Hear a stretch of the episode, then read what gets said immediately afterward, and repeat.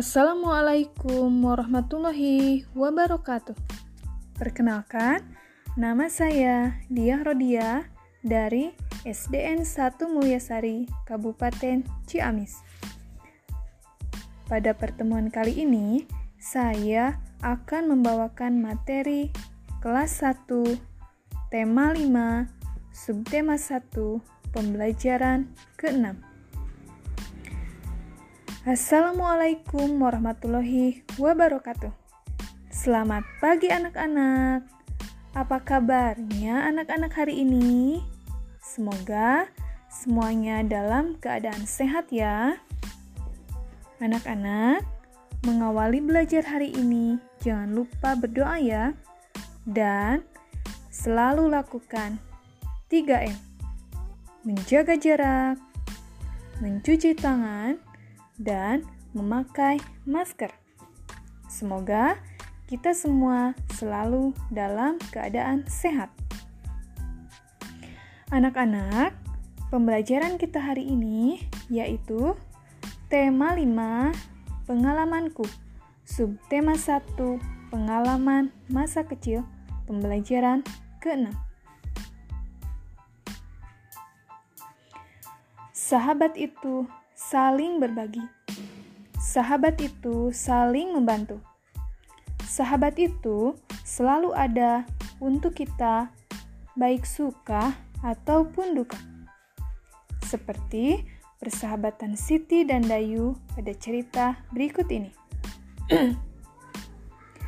Anak-anak, simak ceritanya ya. Siti dan Dayu berteman sejak kecil mereka selalu saling menolong. Jika Siti kesulitan, Dayu siap membantu. Jika Dayu perlu bantuan, Siti pun siap membantu.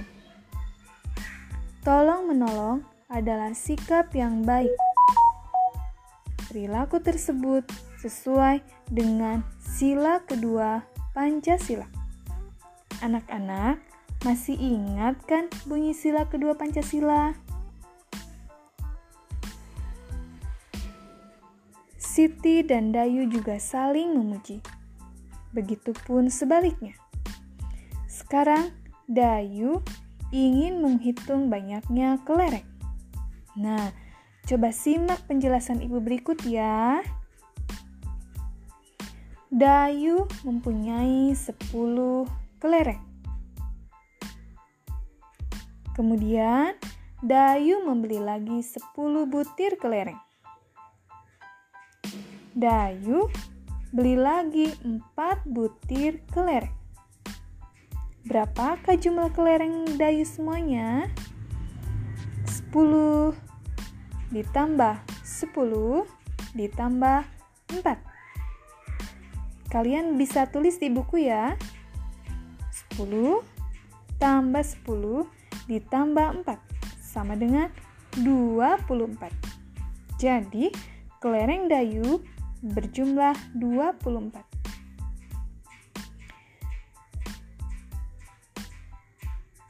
Siti mempunyai 10 butir kelereng. Kemudian, ibu membeli lagi Siti 10 butir kelereng. Dan Siti membeli lagi kelereng 3 butir. Berapakah jumlah kelereng Siti? 10 ditambah 10 ditambah 3 sama dengan 23. Jadi, jumlah kelereng Siti adalah 23. Nah, anak-anak, dari cerita tersebut kalian sudah melihat bahwa yang pertama, Tolong menolong merupakan contoh sikap yang sesuai dengan sila kedua Pancasila. Nah, dari cerita tersebut, anak-anak kalian bisa menuliskan contoh sikap yang lain yang sesuai dengan sila kedua Pancasila.